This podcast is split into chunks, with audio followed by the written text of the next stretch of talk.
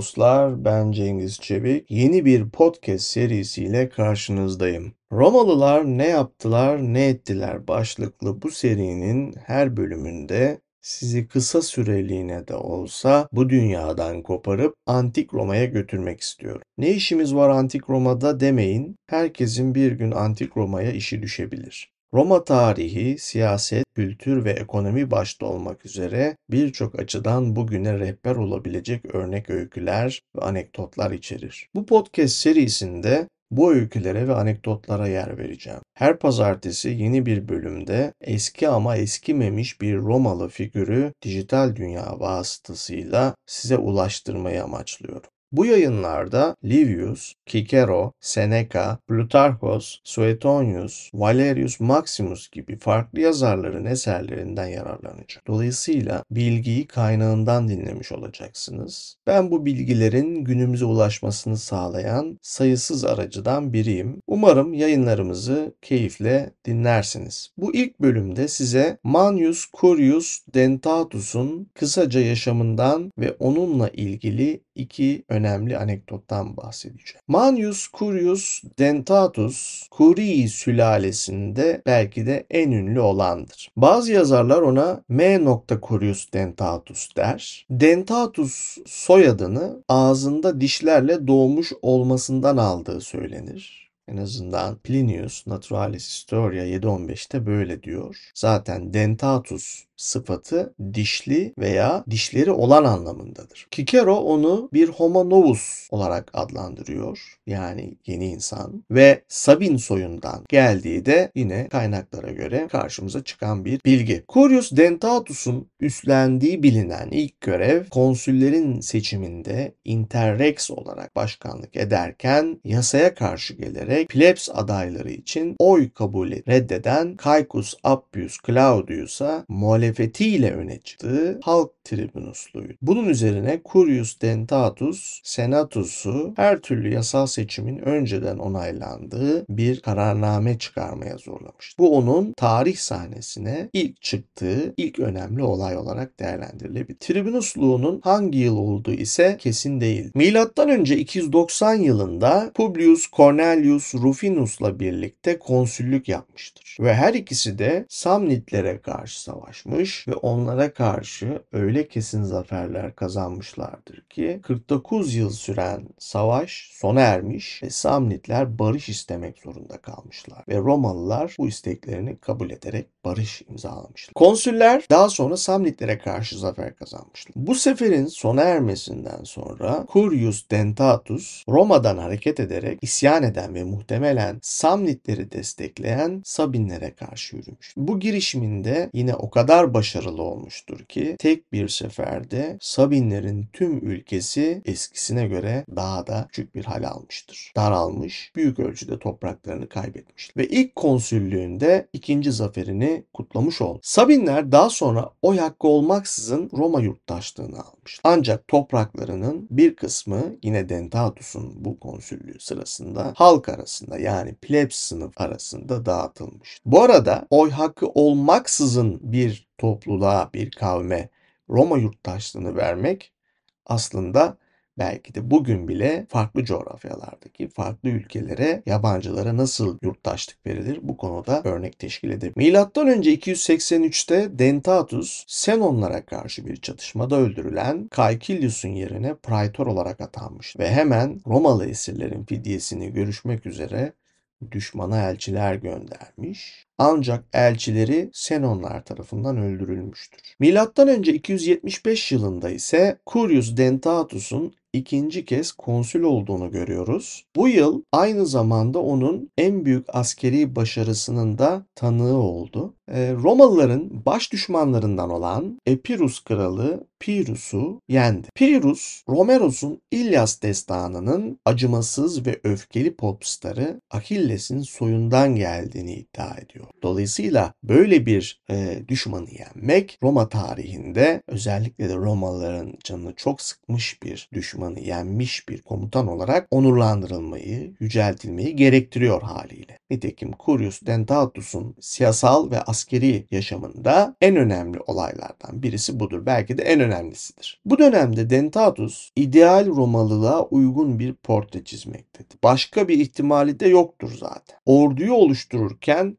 sıkı bir vergi politikası uyguladığı söylenir. İdeal bir Romalı sıkı bir vergi politikası uygulamak zorundadır zaten. Dentatus bu konuda en basit tabirle çekingen davranan yani hizmet etmeyi reddeden bir Romalı'nın malına el koymuş ve Romalı'nın malı satılmış. En azından metinlerde bunu okuyor. Dahası adam itiraz edince adamı kendi adamı da bir mala dönüştürerek satmıştır. Yani aslında Roma'da her birey devlete adanmış olmak zorundadır. Bu gönüllülük esasına dayanır. Bireyler devletin esenliğine feda edilmeyi isterler. İstemezlerse istemeleri öğretilir. Öğrenemezlerse mal gibi satılma deneyimiyle karşılaşabilirler. En azından Dentatus'un yaşam öyküsündeki o ideal Romalılığa uygun portrenin bize vermek istediği mesaj budur.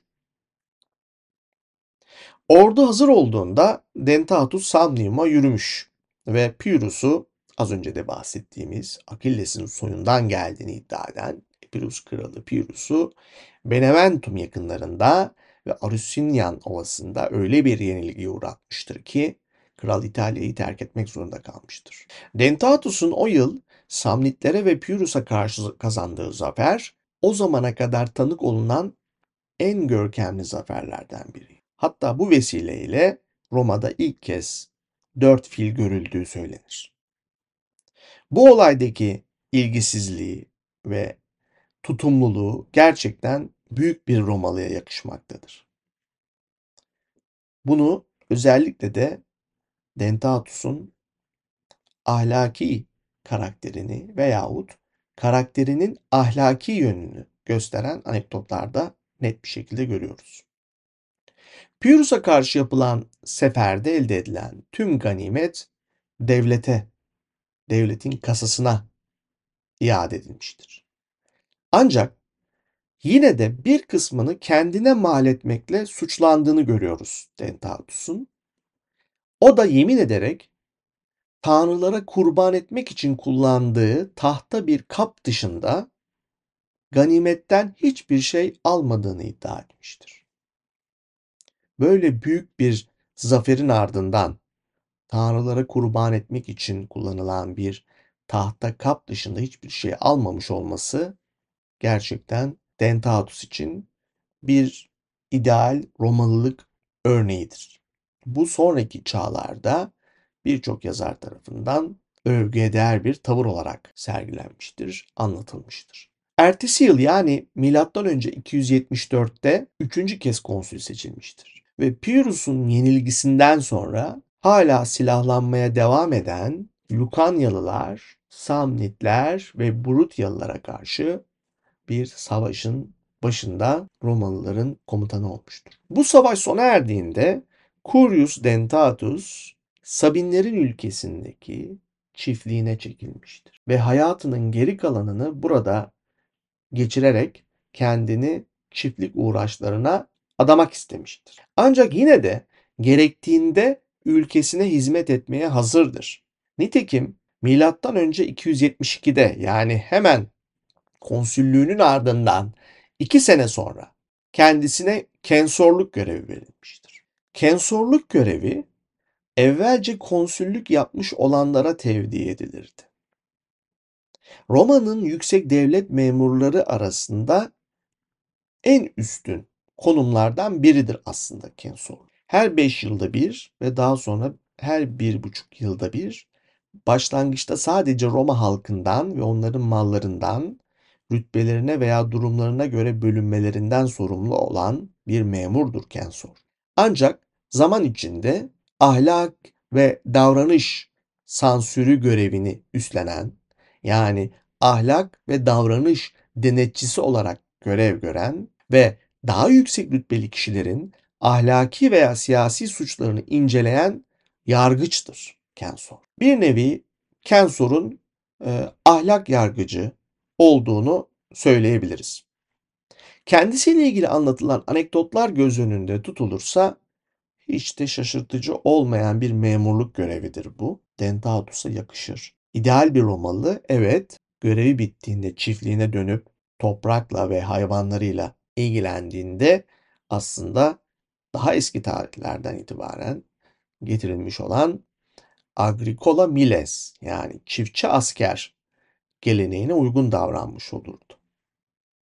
Her zaman söylediğimiz gibi ideal Romalı barış döneminde çiftçi, savaş döneminde askerdir. Dentatus bunun örneklerinden biridir. Görev çağırdığında da koşa koşa gelir ve devletine hizmet eder. Nitekim konsüllüğünden iki sene sonra da kensor olduğunu söylemiştik. Yine çiftliğinden ayrılarak görevinin başına geçmiştir. Bir keresinde Samnitler Dentatus'a pahalı hediyelerle bir elçilik heyeti göndermişler. Elçiler onu çiftliğinde ocağının başında oturmuş şalgam kavururken bulmuşlar. Elçilerin hediyelerini şu sözlerle reddettiği söylenir. Altına sahip olmaktansa altına sahip olanları yönetmeyi tercih ederim. Dentatus, Latin edebiyatında Roma sadeliğinin ve tutumluluğunun en asil örneklerinden biri olarak her zaman övülmüştür. Sabinlerin fethinden sonra topraklar halk arasında dağıtılırken diğer askerlerden daha fazlasını almayı reddetmiştir. Ve muhtemelen bu yüzden Respublika yani Roma'nın e, devleti onu bir ev ve bir miktar arsayla ödüllendirmiştir. Aza kanaat edenin erdemi olarak görülmüştür onun bu tavrı. Roma ordularının komutanı olarak sefere çıktığında yanında ikiden fazla seyis bulunmazmış. Bu gösterişli bir devlet memuru olmadığının kanıtıdır.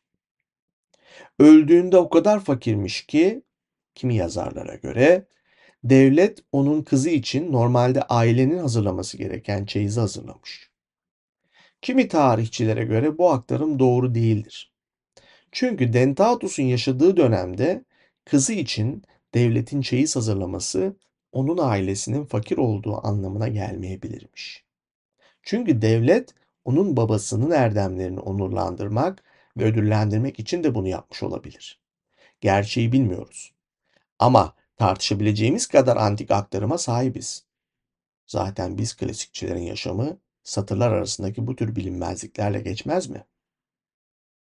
Dentatus Roma'ya başka hizmetlerde de bulunmuş. Milattan önce 272 yılında kensorluğu sırasında yani Anio nehrinden şehre su taşıyan bir su kemeri inşa ettirilmiş. Masraflar Pyrrhus'la yapılan savaşta elde ettiği ganimetten karşılanmış. Yani ganimeti cebe indirmemiş. Devlete hizmete dönüştürmüştür.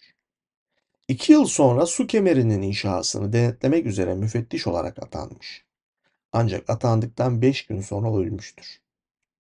İş başında ölmek, devlet adamlarının ve memurlarının onurları arasında sayılabilir.